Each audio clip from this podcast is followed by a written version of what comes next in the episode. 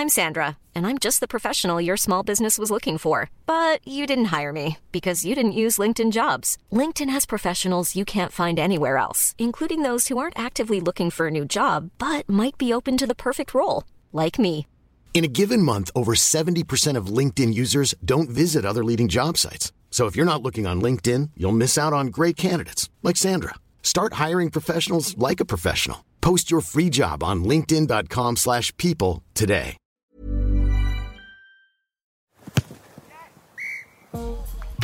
Hej allihopa och välkomna till första avsnittet av Ballers.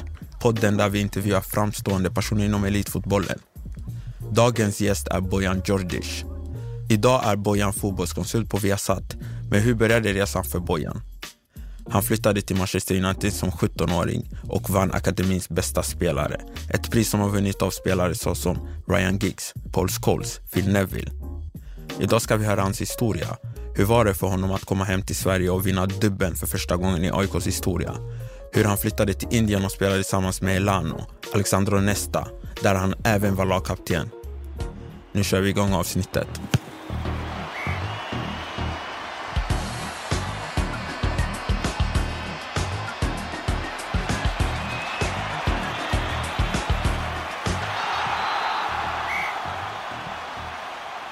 Välkommen Bojan, jättekul att du kunde komma. Tack så mycket, kul att vara här. Ja, faktiskt. faktiskt. Vi har ändå pratat i tre månader fram och tillbaka. Ja det har vi, men man måste också hitta tid. Ja, Och sen måste du komma med bra idéer och sen kan man alltid hjälpa till. ja det, är sant, det är sant. Men idag har du varit ledig, eller hur?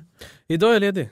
Men det är väldigt mycket förberedelse för mig som älskar mitt jobb. Eller älskar fotboll. Att jag hela tiden måste vara ett steg före. När man jobbar på Viasat, man sitter där som expert, jag brukar säga fotbollskonsult. Det, det låter finare för man behöver inte alltid ha rätt då. Jag vill känna att jag utvecklas och inte bara gå dit och rabblar och babblar. Utan det kommer ibland saker som är konkreta. Okej. Du är även expert för Manchester United TV. Hur ser din dag ut när du jobbar? Vi samlas ju alltid två timmar innan själva sändningen börjar. Så säger vi att 13.30 är första matchen, så samlas vi där klockan 11. Men det vi pratar om helst, experterna, tar vi med redaktionen under veckan. Så man kommer med sina idéer. Så man kommer förbi kontoret, man tar ut enskilda klipp, man pratar om det som är dagsfärskt och man försöker hela tiden komma med sina egna idéer.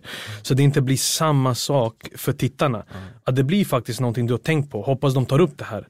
Och då måste man också ta upp det för majoriteten vill ju höra också vår åsikt så de kan sitta hemma och diskutera om det. Men hur kom du in på expert? Första gången var 2002, så jag var ju 20 år då. Och det var i VM i Sydkorea, Japan. Och jag var för TV4 då. Men grejen är att jag alltid varit frispråkig. Och i Sverige när man är frispråkig och inte tänker på när kameran är på eller av så blir det intressant. För allt jag säger kommer ju på uppstuds. Jag tänker aldrig igenom saker. För jag, jag har aldrig varit politiskt korrekt. Jag är korrekt, jag är uppfostrad på rätt sätt. Det betyder att vad jag än säger kommer jag inte gå över gränsen utan det är mina egna känslor, mina egna åsikter, värderingar, det är min passion som kommer igenom. Jag kan inte tillfredsställa alla. Jag kan inte vara allas bästa vän. Men åtminstone när du sitter där så vet du att det kom från hjärtat. Det, det här är vad jag tycker. Och jag vill att folk ska diskutera om det. Det går inte att alla gillar det. Det är omöjligt. Men låt oss gå tillbaka till 1992. Då flyttade du till Sverige. Mm. Ja, men hur var det då? Hur, hur kan du beskriva dina första år i Sverige? Ja, De var väldigt tuffa. Det är, inte- det är inte enkelt. Eh, Du är tio år, du lämnar Sarajevo, du lämnar eh, din trygghet, eh, du ska börja årskurs fem, kriget kommer och sen plötsligt är du i ett främmande land. Eh, Du ska lära dig språket, du ska få nya vänner. Och hur kommer du in?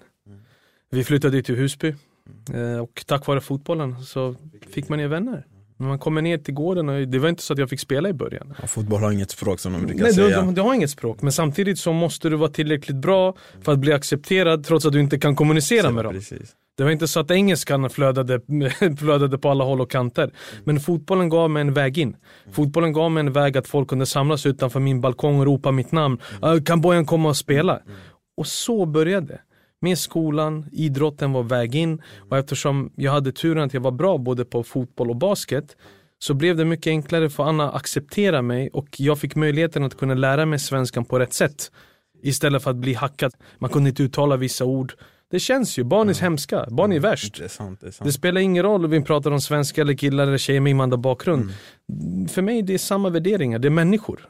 Det går inte att se olika nationaliteter, hud, religion. För mig det är skitsnack. Om du inte kan bedöma människan ifrån deras själ, deras hjärta. Då är du en dålig människa, då har du blivit uppfostrad på rätt sätt. Mm, jag kommer ihåg när jag flyttade till Sverige, jag och min bror vi kunde inte heller svenska. Då vi träffade en kille, han hette Björn, och då vi snackade igenom teckenspråk men det enda vi visste, vi ville göra det han, det han ville göra och vi ville göra samma sak. Det är ju så. så. Man måste liksom hitta ett sätt som passar en. Samarbeta. Ja, precis. Du måste samarbeta och sen hittar du folk som du känner av energin. Det är så, även nu när du träffar vissa människor, du behöver inte öppna din mun men du ser på något sätt hur de ser på dig, deras ögon, om det är någonting för dig eller inte. Det, det, är så pass enkelt, men oftast går vi inte, får vår magkänsla, vi försöker tvinga oss till någonting som vi vet att det inte kommer hålla i längden. Mm. Men på tal om Husby, även Heno Goitom kommer mm. därifrån, Robin Quaison. Hur stor påverkan har Husby haft på dig som individ och fotbollsspelare? Stor, alltså vi har en fotbollsplan i Husby som heter Trian, en liten grusplan. När jag växte upp var det ju det var, det var inga nät, det var vita trästolpar, träribbor, men det var vårt, det var vårt Wembley, det var vår Camp Nou. Alltså, det var ju vår Maracana, ja, Maracana alltså, det var ju allt. Ja. Jag visste, det fanns ingenting bättre än att gå ut och träffa sina kompisar och spela fotboll. Såklart att man växer upp i, i förort, man är medveten om det. Mm. Men också det vackra just på den tiden, på 90-talet, var att man växte upp med så många olika nationaliteter, så många olika kulturer. Så det var inte bara svenskar man tog till sig, mm. utan man lärde sig äta injera hos eritreaner. Alltså, du vet vad jag menar? Ja, jag starka, starkaste maträtten ah. jag provade på när jag var liten. Jag bara, jag tar det här, det är inga fara. Och, men alltså, det är så här, turkar, greker, mm. allt möjligt. Vi var ett. Vi respekterade varandra, vi såg varandra som människor, vi värderade saker rätt. Ja, vi höll på med massa skit också. Men idrotten var allt vi hade. Det var inga sociala nätverk, det var inga telefoner. Nej. Men man lyssnade på de äldre. De som var lite äldre. Säger de att det var sent, gå hem. Man gick hem. Man visste att man inte skulle vistas på vissa ställen efter en viss tid för man skulle bli skickad hemåt. Det var viktigt att göra läxan, det var viktigt att gå till skolan. Vi hade turneringar, basketturneringar på helgerna, fotbollsmatcher. Eh, vi levde på ett helt annat sätt, alltså det var vår bubbla. Nu är världen mycket mindre eftersom ja. du kan ta upp din telefon, telefon och se vad som händer. Ja. Så det blev ju så. Tyvärr fick jag inte börja, det var så roligt för mina föräldrar, jag skulle börja i årskurs fem då, eller mm. fyra. Mm. Och eh, eftersom jag började ett år tidigare nere i Sarajevo i Bosnien så ville mina föräldrar att jag skulle gå med mina jämnåriga då. Men eftersom svenskan inte var där så sa ju skolan i Husby, nej han måste ju börja om då för svenskan. Och det fanns ju inte på kartan. För skolan i före detta Jugoslavien, det var verkligen, alltså jag var tre, fyra årskurser före de andra med tanke på vad jag lärde mig. Och då gick de runt från skola till skola och det var till slut ja. Igelbäcksskolan i Kista mm. som sa nej, han får börja med sina jämnåriga men han måste gå i FKM, förberedelseklassen mellanstadiet. Mm. Så det var därför jag gick ju, pendlade som en station, Husby-Kista. Och sen efter tre år så flyttade vi till Kista så det blev ännu närmare. Jag gick i Ärvingenskolan på högstadiet. Okej, okay. men sen gick du in i fotbollen, då blev det, hur, varför blev det just Brommapojkarna? Eh, Brommapojkarna, Brommapojkarna var ju så att när eh, jag sökte en klag, eller jag sökte, pappa sa, för jag har alltid spelat på gatan, jag har aldrig spelat organiserat. Så hade han en vän som han jobbade med och som tränade Vasalund 2, Bärshamra. Och då tog de mig till Bärshamra och eh, i två, tre månader så var jag i Vasalund 2 då. Men samtidigt ingen kommunikation, men jag var så pass bra så att man fick ju nya vänner där också. Och sen mötte vi Brommapojkarna. Jag hade ingen aning vilka klubbar som fanns. Jag ville bara spela. Och sen mötte vi Brommapojkarna lag 1 då. Deras 82 år som väldigt, väldigt bra. Sveriges kanske främsta. Men då tänkte man inte så mycket på det. Och jag var ju överlägsen dem. Och sen kontaktade ju Brommapojkarna mig i en, jag var 11 år. För att komma över. Så jag flyttade ju till Brommapojkarna. Men det jag säger om det är att det var en av de finaste lagen jag varit del av. Med det fantastiska ledare fina föräldrar. Jag kände mig alltid accepterad. Jag fick acceptans. Men det enda, jag brukar aldrig ångra någonting. Jag kunde ha varit lite bättre lagkamrat. För då var jag fortfarande färsk. Jag hade fortfarande den här vinna, jag hade vinnarmentalitet när jag var liten. Det var inte så att jag kunde förstå att alla ska spela lika mycket. Jag sa vadå alla ska spela lika mycket? Han är ju sämre, varför ska han spela? Det, det, var, det var så jag reagerade. Jag förstod ju inte då att man ska ändå vara del av kollektiv. Precis. Är du bäst, är du överlägsen, ska du inte trampa ner på de som är under dig. Du ska göra dem bättre. Hade jag betett mig bättre då, hade vi kanske vunnit ännu mer, även om vi vann allting. Så hade vi kanske haft en mer hälsosam träningsmiljö där folk inte skulle vara rädda att passa bollen till mig för att jag skulle klaga när pa mm. passningen kom. Och där skulle du också vara en bättre ledare till laget också. Jo men såklart. Men samtidigt, eh, barn vet. Mm. Såklart när man blev 12, 13, 14. Mm. Man visste ju att de var i behov av mig. Man visste ju att nej, det går inte att ta bort mig härifrån. Jag var ju för bra. Och barn vet ju när de själva har en viss roll i ett lag, vilken idrott som helst vi pratar om nu. När de är lite bättre, även i skolan på ett visst ämne, då får man lite mer hybris. Då blir man lite mer självgod. Mm. Men samtidigt så lärde man sig under de här åren att kunna hantera de sakerna. Ja men vad tycker du om det här? Exempelvis här i Sverige de pratar mm. om ta bort det tävlingsinriktade unga ålder på grund av det kanske inte blir bra. Vad tycker du om det? Alltså jag är, grejen är att man måste lyssna på alla sidorna. Alla, all, alla sidor kommer ju alltid med någonting vettigt. Och jag förstår de som säger, att ta bort tabell, låt dem tävla. Mm. Barn tävlar alltid. Barn vet exakt, även om de inte räknar resultat eller tabell, mm. de vet exakt hur många matcher de har vunnit. De vet exakt hur många mål de har gjort eller mål de har släppt in. Mm. För de vill ju också känna den här, inte pressen, men de vill känna den här glädjen. Och de vill också känna sig besvikna när de har förlorat mot ett lag som de vill möta igen. Så du kan inte ta bort tävlingsinstinkten helt och hållet. Fotbollen är så känslig i Sverige att det är sjukt. Fotbollen är kanske den känsligaste idrotten som finns. Varför får Sverige så mycket ishockeyspelare till NHL? Jag har kollat hur barn 11, 12, 13-åringar tränar hockey. Alltså det är diktatur nästan. Och det är ingen som pratar om hockeyn. Att de satsar tidigt, att de tränar på rätt sätt. För det finns ju så många klubbar som har en breddverksamhet. Men då måste du också ha föräldrar och utbildade ledare som kan faktiskt prata med de ungdomarna och ge dem möjlighet. Alla behöver inte spela i Brommapojkarna lag 1 när de är 12-13. Men de kanske går om dem när de är 15-16. De måste få bra förutsättningar istället för att känna sig Fan, jag är inte tillräckligt bra här just nu. Men jag skulle kanske utvecklas i ett mindre lag bättre och sedan komma tillbaka dit. Så jag är för tabeller. Mm. Jag är för att barn tävlar. Ja men det, jag, jag håller med dig där på grund av, när man kommer ut i riktiga livet, det är ju tävling. Mm. Om, om ett jobb, universitetet, allt i livet efter skolan, det är ju en tävling. Det är mer föräldrar, alltså vi pratar om bara om Stockholm nu. Mm. Ja, min, min son eller dotter, ja, det ska vara AIK, det ska vara Djurgården, Bayern, Brommapojkarna. Varför det? Är det? Lever du din dröm genom barnen? Du måste ge dem de bästa förutsättningarna. Och man ska vara medveten också om kvaliteter och det mänskliga värdet. När de är 11-12 år, även om Brommapojkarna skulle ringa, men om de mår bra i sitt lag, ge dem då möjligheten att vara med sina jämnåriga klasskamrater ett, två år till innan flytten kommer. Precis. Låt dem njuta. Låt dem bestämma. Eftersom de vet ju själva, eller pappa, mamma, jag vill prova något nytt. Jag känner att jag vill utvecklas. Man måste lyssna på sina barn mer. Inte ge dem för mycket frihet, men man måste ändå kunna lära sig lyssna. Man ska inte pressa dem. De ska känna alltid glädje när de kommer till en träning. Men 1999, där tog karriären fart för dig. Mm. Då flyttade du från Brommapojkarna mm. till Manchester United. Hur var känslan? Vet du, helt ärligt, jag har alltid sagt det tidigare. Folk, det kanske låter lite så som om man har hybris eller självgod. Jag tänkte att nej, jag är redo. Jag, jag, jag ska vara där. Du var 17? Ja, jag var 17. Jag tänkte jag ska vara där. Jag är tillräckligt bra. Jag ska vara där. Och om jag inte hade tagit den chansen så kanske inte jag hade lärt mig rätt värderingar eller grund. Mm. Vad United gav mig, det gav mig en grund eftersom det var världens bästa klubblag under den mm. tiden, pratar vi A-laget. Ja. Men även akademin mm. var en av världens främsta. Det betyder att du hade fantastiska tränare, mm. ledare som såg dina spetsegenskaper, som såg svaga sidorna, som gav dig en fotbollsgrund. Från en första touch till ett passning med vristen, till inlägg, hur du skulle leva som proffs och vara ett proffs. Alltså de gav dig en väg, även om det var kanske svåraste klubben att komma till för att bryta sig loss in till A-laget.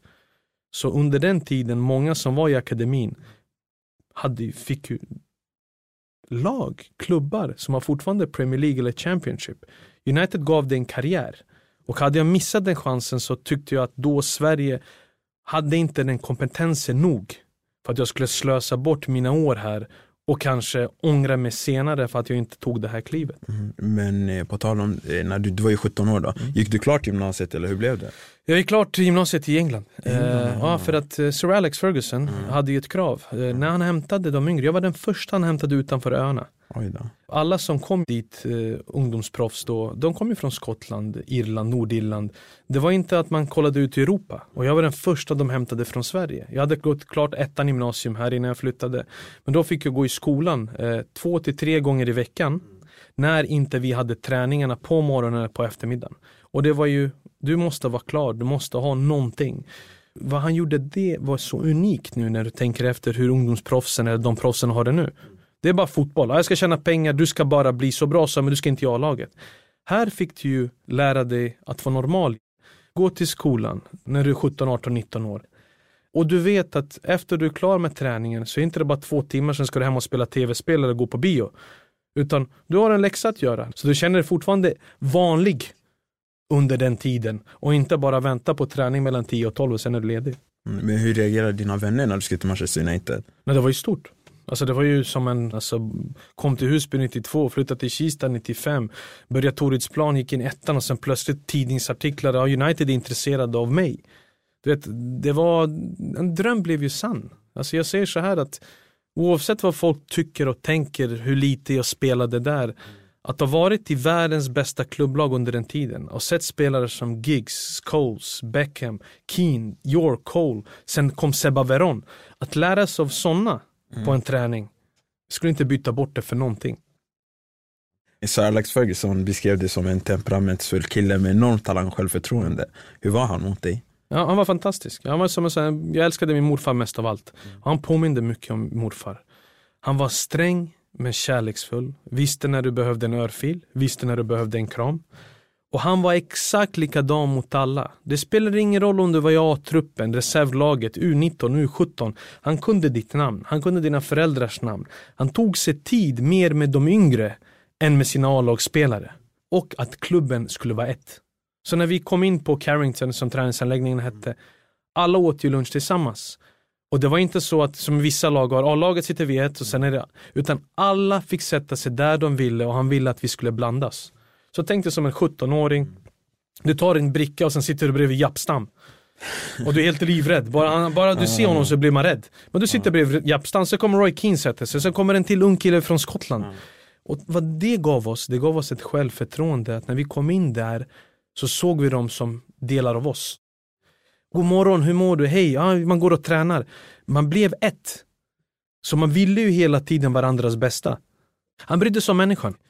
Betedde du dig bra och man insåg att du inte hade kvaliteten att ta kliven upp så hjälpte han den vidare med fina recensioner, lovord och du visste alltid att du hade en, en annan klubb redo ifall du inte lyckades slå dig in i A-laget. Är han tidernas bästa tränare? är det han. Med tanke på att United under hans tid tog 13 stycken Premier League-titlar. Eh, när han kom till United så var det ju svåra tider. Det var ju en fa Cup-vinst som gjorde så att han fick bygga det här laget vidare när han tog över. Men samtidigt att göra det Mm. Under... och utvecklas med tiden. Du vet, för pengarna kom in sen. Mm. Millenniumskiftet och allt. Så det var inte 90-talet bara han byggde upp. Han fortsatte att lära sig. Ja, det är det som är utmaningen. Det är såklart, många blir envisa. Nej, det är mitt sätt, det är mitt sätt, det är mitt sätt. Men han kunde alltid, när man förlorade, till exempel om Barcelona i Champions League-finalerna, kunna säga nej, vi var inte tillräckligt bra. Vi måste upp till den nivån.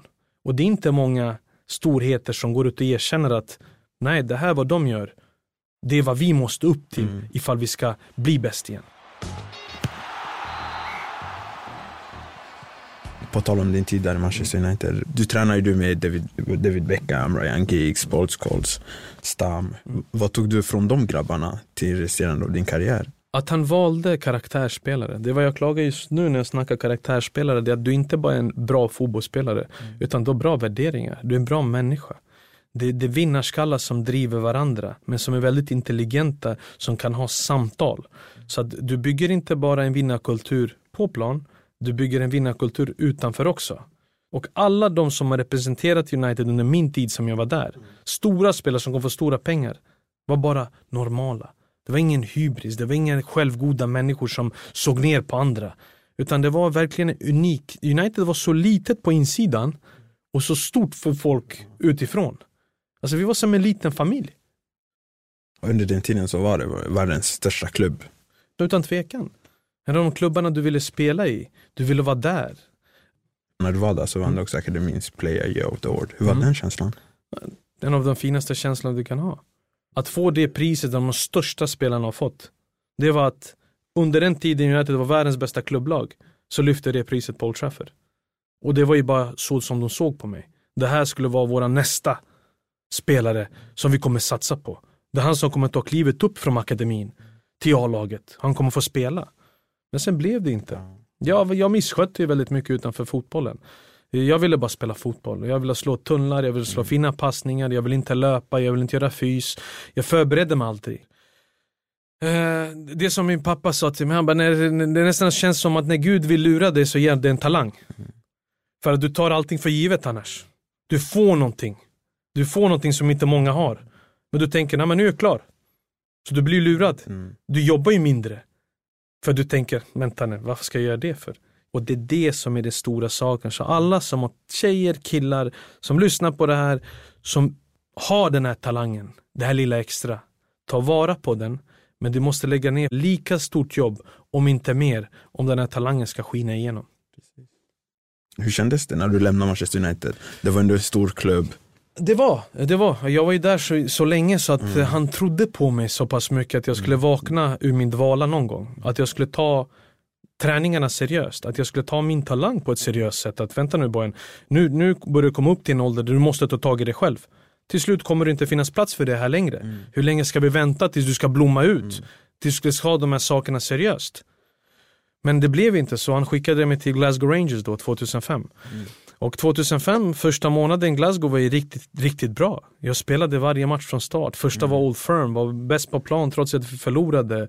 Blev vald till Rangers, eller Skottland, alltså Player of the Month den månaden i januari i Skottland. Och allt var frid och fröjd. Stor klubb, jag tänkte VM 2006 nästa år, jag kanske kommer få en kallelse. Mm. Men vad händer? Slutet av januari, första riktiga storskadan. Mm. Händer. Livingston kommer jag aldrig glömma. Halvtimme går in, jag hoppar i en nickduell och min muskel går av från höftbenet. Och där var jag borta hela säsongen. Och det gjorde så att jag var tvungen att lämna Glasgow Rangers och flytta skadad till Plymouth. Plymouth hade precis tagit klivet upp till Championship. Och då tänker jag, fan jag har ingenting annat, jag är skadad. Championship, okej, okay, en ny start. Mindre klubb, jag kommer få spela, men jag måste bli fit. Och det tog lång tid för mig tills jag blev fit. Men det var då jag började få de här demonerna. Mm. Att jag kunde se allt. Passningarna, vad inlägget skulle gå. Men jag kunde inte utföra dem eftersom kroppen hängde inte med. Men hur gör man i sådana situationer när man blir långtidsskadad? Hur kommer man tillbaka? Den är svår. Eh, ju mindre klubbar du spelar i, desto mindre hjälp får du. Eh, och grejen är att folk tror att ju större klubbar desto svårare är att mm. få hjälp. Nej, men de har ju mer pengar, mer budget och så kan du mm. träffa folk eh, psykologer, du kan prata med allt möjligt. Du får ju specialister. Folk vill jobba för storklubbarna och de har möjligheten att ge det. När du kommer till mindre klubbar så är det verkligen tränare, två assisterande. Det finns ju ingen annan runt omkring. Och på den tiden det var nästan tabu att säga att man mår dåligt. Man börjar känna ångest. Man är lite deprimerad. Det var nästan som man inte vågade prata ut om de sakerna som idag folk hyllar en för. Då var man tvungen att visa att du är stark. Men använda den Använda så mycket energi och kraft för att visa att man är stark. Man bränner ut sig. Kroppen ger vika. Och till slut känns fotboll som ett jobb. Det är ingen glädje längre. Du blir som en robot. Varje dag känns som en måndag. Och när du hamnar där så är det väldigt svårt att förklara för folk som vill att du ska göra något om din fotbollskarriär. Eller folk som kritiserar dig i tidningarna att du inte spelar. Det är svårt att förklara till alla att Ej, jag mår inte bra. Men vadå du mår inte bra? Kolla vad du tjänar. Mm. Pengar är inte allt om kroppen ger vika. Du pratar om det här, man mår dåligt och så. Vad gör klubbarna i sådana situationer? Får, får ni träffa psykologer? Nej, nu är det bättre. Nu är det bättre. Då var det ingenting. Då var det ju, då var du svag. Då var du svag.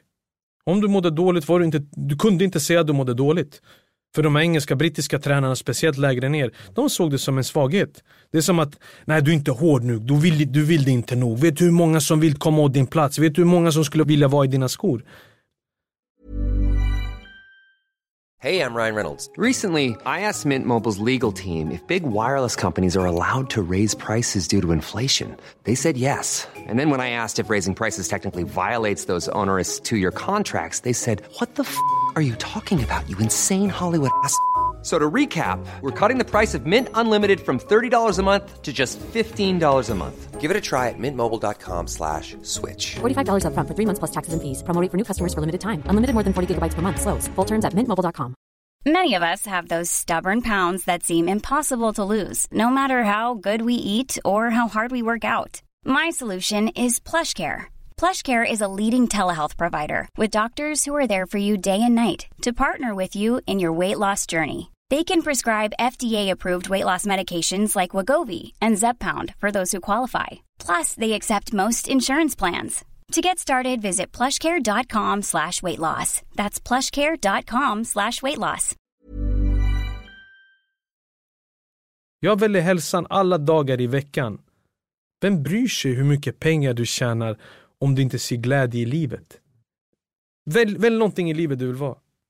Frisk. Vi jagar, jagar, jagar, jagar, jagar och i slutändan så fort vi är täppta i näsan vi tänker Fan vad jobbigt, förkylning, hoppas det går över. Det enda du vill bli då, det är bli frisk. På tal om Manchester United där. Vad tycker du om deras nuvarande situation? Den är, den är, den är för dålig. En klubb som United ska inte hamna där med tanke på hur dåliga spelarrekryteringarna har varit under de senaste sju åren. Kommunikationen med supportrarna har varit under all kritik. Man har köpt mycket spelare på stora pengar men det har inte varit rätt spelare, karaktärsspelare som lyfter en klubb ett lag. Utan spelarna har själva ansett sig vara större än klubben. De har nästan hållit klubben som gisslan med kontraktsförhandlingar. Och nu för tiden så kan inte United hämta spelarna från översta hyllan längre. Och därför jag säger till vissa supportrar, tänk inte på de största namnen. Nu måste du bygga en trupp, ett lag som först och främst tar dig till en Champions League-position. Och därifrån sakta men säkert så bygger du ett lag som rör sig uppåt mot tabellen. Du kan inte hoppas att nästa år ska du tävla om ligatiteln året efter.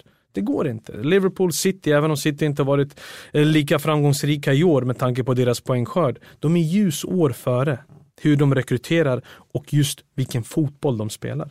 Precis, men problemet ligger hos spelarna och tränaren ligger i ledningen. Eh, ledningen först och främst eftersom ledningen har ju haft pengar. Jag pratar ju om Ed Woodward, The Glazers. Eh, de har ju skött United som ett amerikanskt företag. Det, man har tagit ut pengar, man har eh, skaffat sig bra förutsättningar, man har tagit ut stora vinster, stora löner och behandlat supportrarna som kunder. Och United supportrarna har aldrig varit kunder. England fotboll är religion. För de supportrarna där i Manchester United är en religion. Och att se klubben falla så pass mycket på sju år är någonting som jag aldrig trodde skulle ske. För man väntade bara och nu blir det bara sämre och sämre. Det betyder att det kommer ta längre och längre tid för att bygga upp någonting som är bra, som är stort och som folk kommer vara nöjda över. Mm. Vi har ju sett i andra klubbar eh, som Real Madrid, de tog tillbaka Zidane och där har Manchester United också försökt göra någonting liknande. Mm. Men poängskörden för er nuvarande tränare det är sämre nu än vad det var under Mourinho. Ja det var det sämre även det var under Moyes. Och det jag pratar om just att det är hela tiden nödlösningar. Och nödlösningar i sån klubb ska inte ske. För till slut så rinner bägaren över hos supporterna. För hur mycket lögner kan man ta i kommunikationen? Hur många gånger ska man ha intervjuer som faktiskt inte berättar till oss sanningen, det vi alla ser? Folk behöver inte ens kunna slå en passning för att se att nej, det här stämmer ju inte. Det här är inte på väg mot ett bättre håll. Det, jag, ser inga ljus, jag ser inget ljus i den här mörka tunneln. Utan nu måste de verkligen ta tag i sig själva i kragen. Som som Ed Woodward, och grym marknadssida. Marknadsföring är fara, mm. ta sponsorerna. Men du kan ju ingenting om fotboll, om spelare. Vad är Manchester United? Och där behöver han kliva av den rollen och ge den till någon som kan bygga det vidare. Min drömvärvning hade varit att man hämtar en Van de Sar från Ajax. Han är ju gammal storspelare också. Men det, men det han gör, han är som director of football, det är samma som i Ajax. Kolla vad de gjorde när de gick igenom en tuff, mm. torr period. De tänkte, vi måste gå tillbaka till våra rötter. Vi måste gå tillbaka till den klubben som Cruyff var med och påverkade den fotbollen, våra egna akademier, våra egna spelare. Men vi måste få tillbaka också spelare som Overmars, Van de Sar, Bergkamp. Vi måste få dem in i organisationen och förstå vår plats i näringskedjan. Och när de insåg det, med deras rekrytering av spelare, så gav de det nästan en Champions League finalplats, vilket de var förtjänt av. Och i år, de åkte ut till gruppen, men det är en fotboll som verkligen förra året, man väntade på Ajax skulle spela match. Mm, de slog ut redan mästarna, Real Madrid jo, också. Men, men att två matcher, två matcher av, det var ju verkligen, man stod upp och applåderade. Det var en utspelning utan dess like. Och med vilka spelare då? Det var då vi fick ögonen på De Ligt, De Jong, Ziyech, Van de Beek, Dusan Tadic i en ny roll. Erik Ten Hag gjorde en fantastiskt jobb och det är det jag menar, de gjorde saker rätt. Det tog tid, rätt tränare, rätt spelare, rätt filosofi och folk som kan fotboll och styr över ekonomin och budgeten. Så det är det Manchester United bör Man behöver ju gå Ja. tillbaka till det. Det går inte hela tiden att säga, men kolla hur många akademispelare vi har. Men hur många är bra nog? Hur många är bra nog? Jag ser bara Mason Greenwood. Det var jag sa i, i början på säsongen, jag satt i studion och sen var United Leicester som spelade. Så byt tröjor på de här två lagen. Du märker ingen skillnad. Du märker ingen skillnad. Röda Stjärnan. Din, din far spelade Ja. där också i början av 80-talet. Mm. Sen spelade du där. Mm. Du vann där din första titel. Första två titlar vann jag och det, den är ganska sjuk för att Röda Stjärnan har varit mitt liv sedan jag föddes. Röda Stjärnan var det laget jag ville spela i, drömde om. Det var inte Real Madrid, Barca, eh, det var inga Manchester United. Röda Stjärnan, det var alla de här klubbarna gett för mig. Det var där jag ville vara en Dragan Stojkovic eller Dejan Savicevic. Det var mina idoler. Tänk dig, jag tänkte, jag typ, tänkte bara en minut på Maracana-stadion i Belgrad i ett derby. Och sen plötsligt står du där en säsong, vinner ligan och kuppen. Och så står du där som dubbelmästare i den klubben du drömde om att spela. Det jag säger, det är få förunnat att en spelande supporter får möjligheten att göra det miljontals drömmer om. Ja, det är sjukt. Din farsa också spelat Ja, där pappa också. var ju före detta Jugoslavien, pappa var ännu större spelare. På 80-talet så var ju Röda Stjärnan Europas främsta lag. Alltså det var en av Europas bästa fotbollslag. Då var vi inte en av Europas bästa lag när jag var i Röda Stjärnan, när det var bara Serbien Montenegro som, det var i den ligan. Pappa vann ju Jugoslavien, han var jugoslavisk mästare. Och det laget kunde mäta sig med Real Madrids, eh, Barcelonas, de hade inga problem med det, Bayern München. Nämn vilket lag som helst, Röda Stjärnan var där, man ville inte möta Röda Stjärnan, bara fullt med landslagsmän.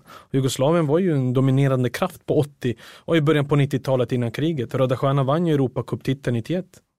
På tal om din pappa, hur stor påverkan har han haft på dig? Stor.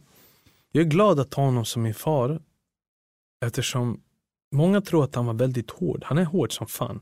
Men han är bara hård när det går över en viss gräns. När han märker att jag börjar trampa folk på tårna. När jag börjar tro att jag är bättre än vad jag är. Och det har alltid stört honom. Men som stöd, fotbollen. Han sa, hej, om du vill, vill, vill, vara- vill, vill vara ballerina, vill du gå på ballett? Om det gör dig nöjd, jag kör dig dit. Jag vill bara se att du ler. Att du har det här glöd i dina ögon. Att inte fotboll eller basket, du gör det bara för att du tror att du måste hålla på med det här.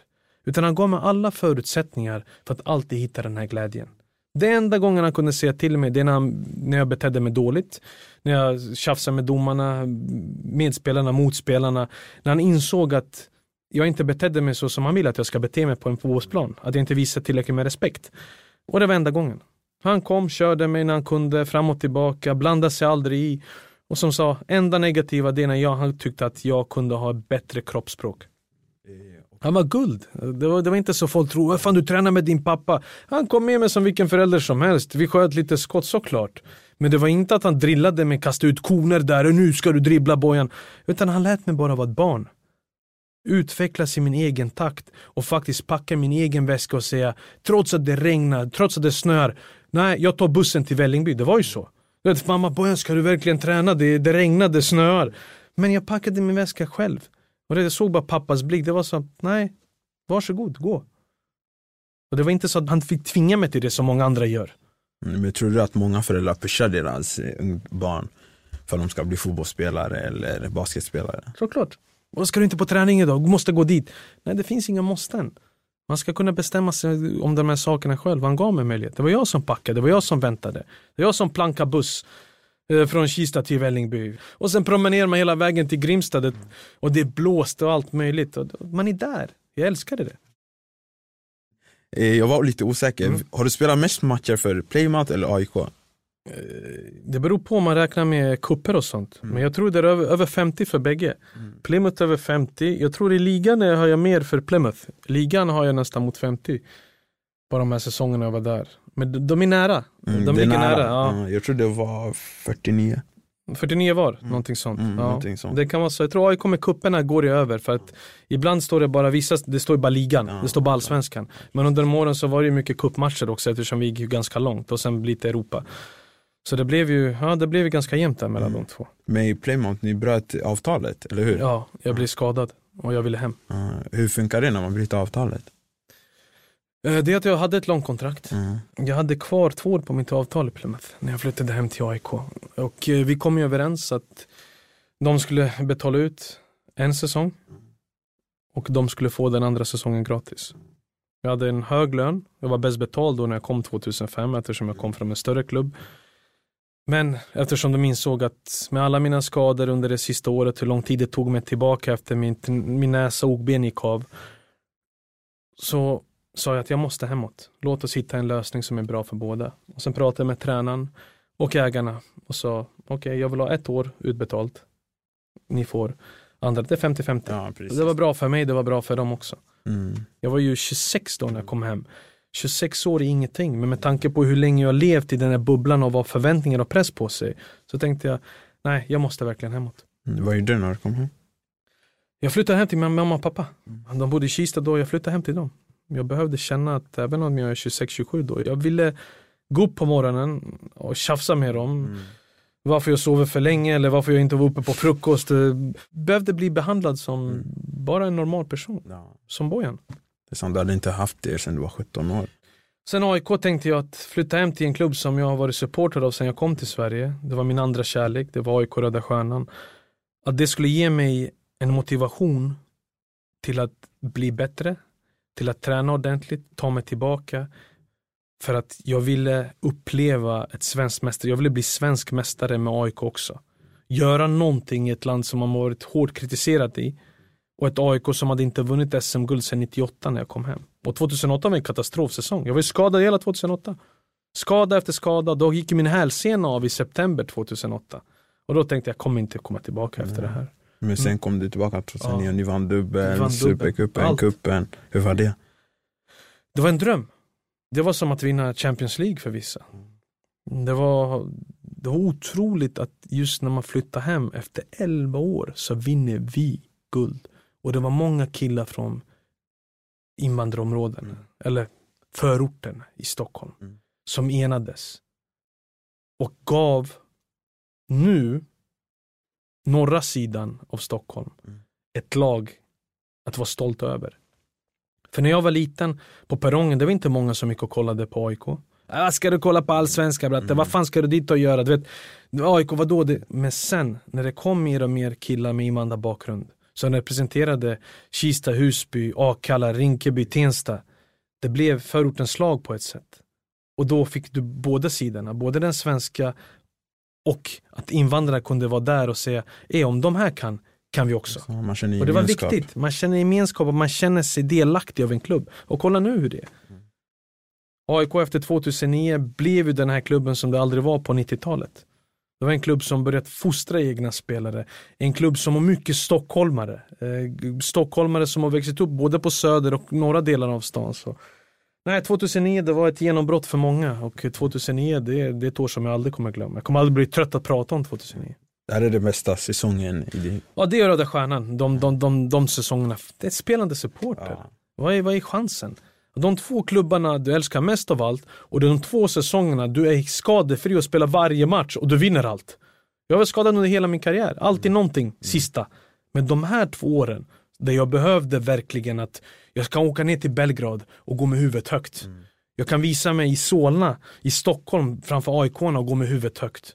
Istället för att skämmas eller gå med huvudet neråt. Det finns inga pengar i världen som tar bort den känslan. Ja, ingen kan ta det därifrån. Nej, de två åren, nej.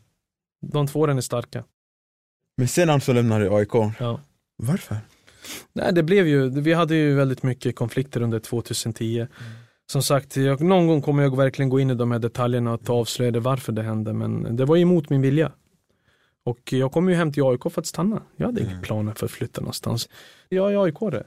Jag gick till och med ner i lön efter SM-guldet för att vi skulle öppna upp våran lön och budget. För att kunna behålla spelare som Ivan Obolo som var så tongivande 2009. Det var mitt mål. Jag ville stanna i AIK och det var jag klar med. Även om jag inte startade i startelvan, låt mig vara i truppen, låt mig hjälpa de yngre. Jag hade inga problem så länge jag var del av AIK tills jag ville lägga mina skor på hyllan.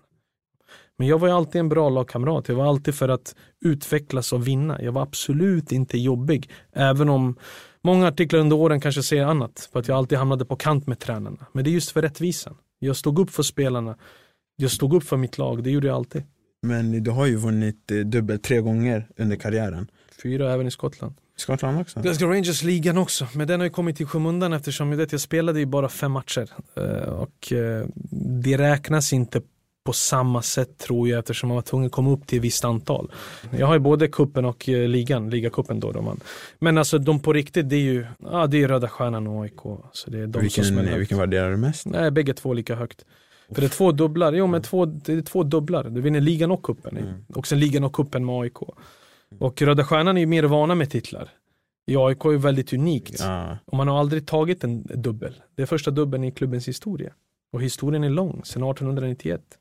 2014 så spelade du i Indien. Ja, det var ja. fantastisk tid. Då var det verkligen bara glädje. Du hade ju lagkamrater som Elan och Alexander Nesta, Matarassi ja. som tränare och du var även kapten. Ja. Hur blev du kapten? Det är just att eh, Materazzi var lite, vet, han, är, han är galen. Det är han, det är han faktiskt. Mm. Det, det, är så vi såg honom på plan, så var han utanför. Men han var väldigt rättvis. Han gillade väldigt hårt jobb, han gillade folk som brann och jag brann ju. Jag kom ju dit för att inte bara Eh, ta den sista lönen. Det var ju verkligen, det var stora pengar. Det var min sista paycheck. Varför inte? Jag tänkte men jag avslutade fint. Men sen blev det upp, upplevelsen. Jag ska inte ljuga om det. Men det är inte så att oh, jag bara flyttat till Indien för upplevelsen. Jag ska tågluffa. Nej, det var väldigt bra pengar. Men sen när man insåg vilka fina människor det var där. Men där hittade jag också glädjen. Nivån av att bara njuta. Det kände mig som 12-åringen när jag var ute på gården och spelade fotboll.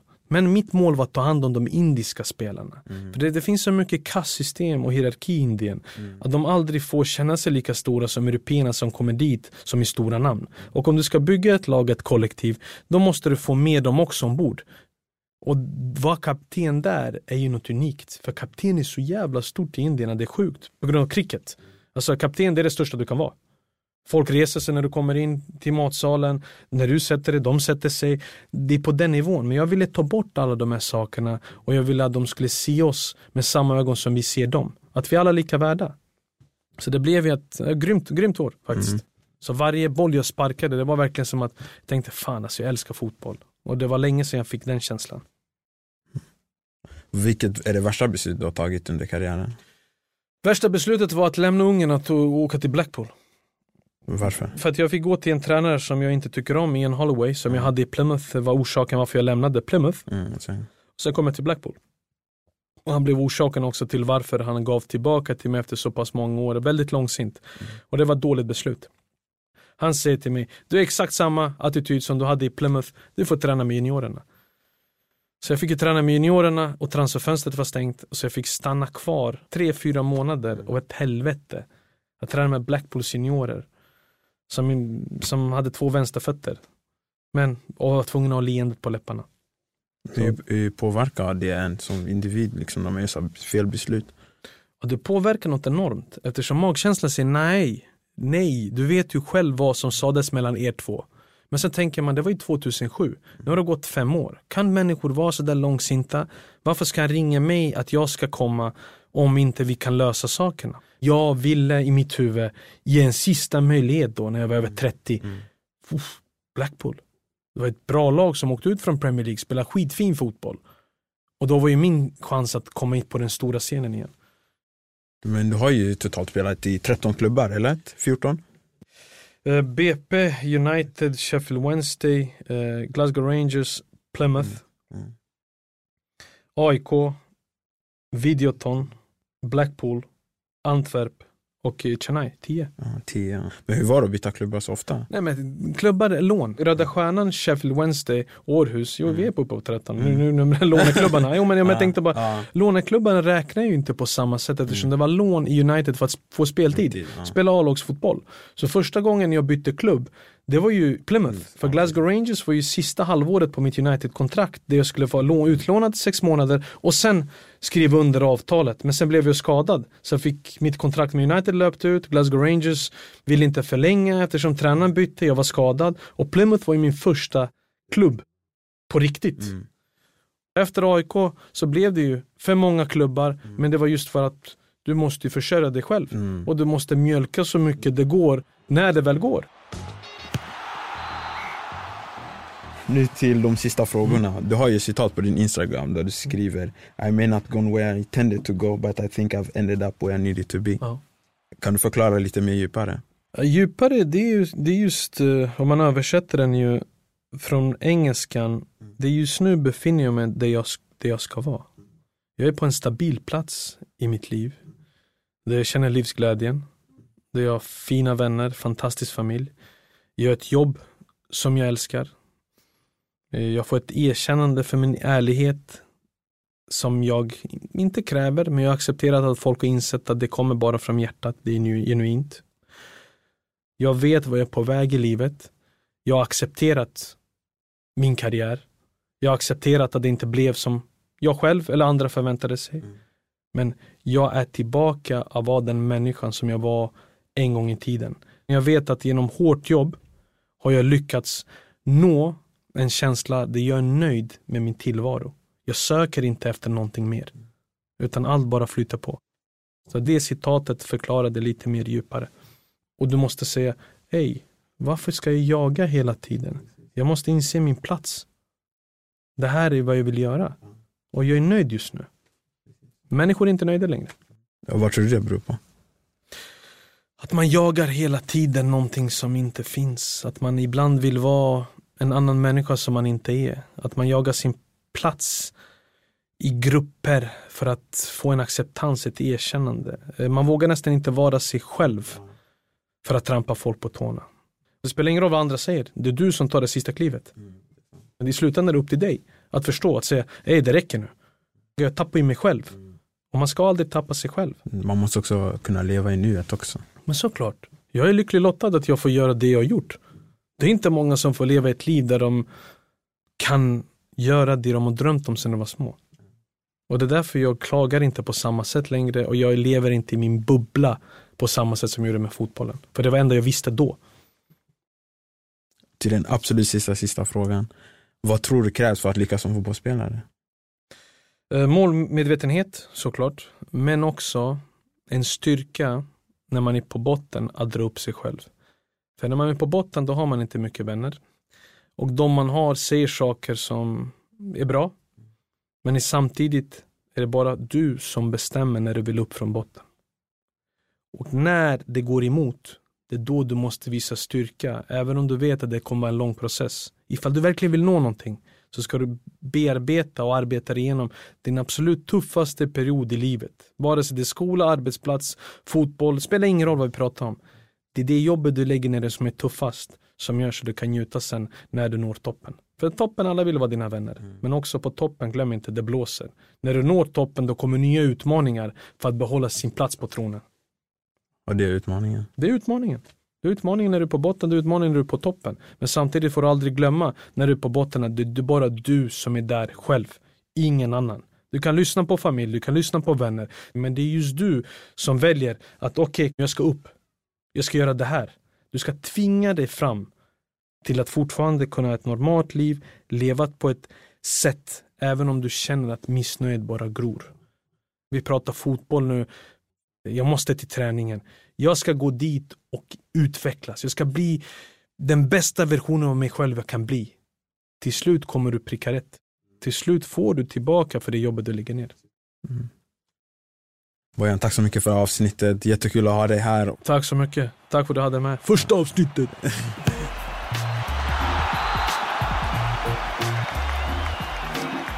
wow, vilket avsnitt med Bojan. Tack återigen för att ni lyssnar. Ni kan gå in och följa Barless podcast på LinkedIn, Facebook och Instagram. Vi kommer uppdatera med kommande gäster och ifall man har en speciell fråga, det är bara att kontakta oss där.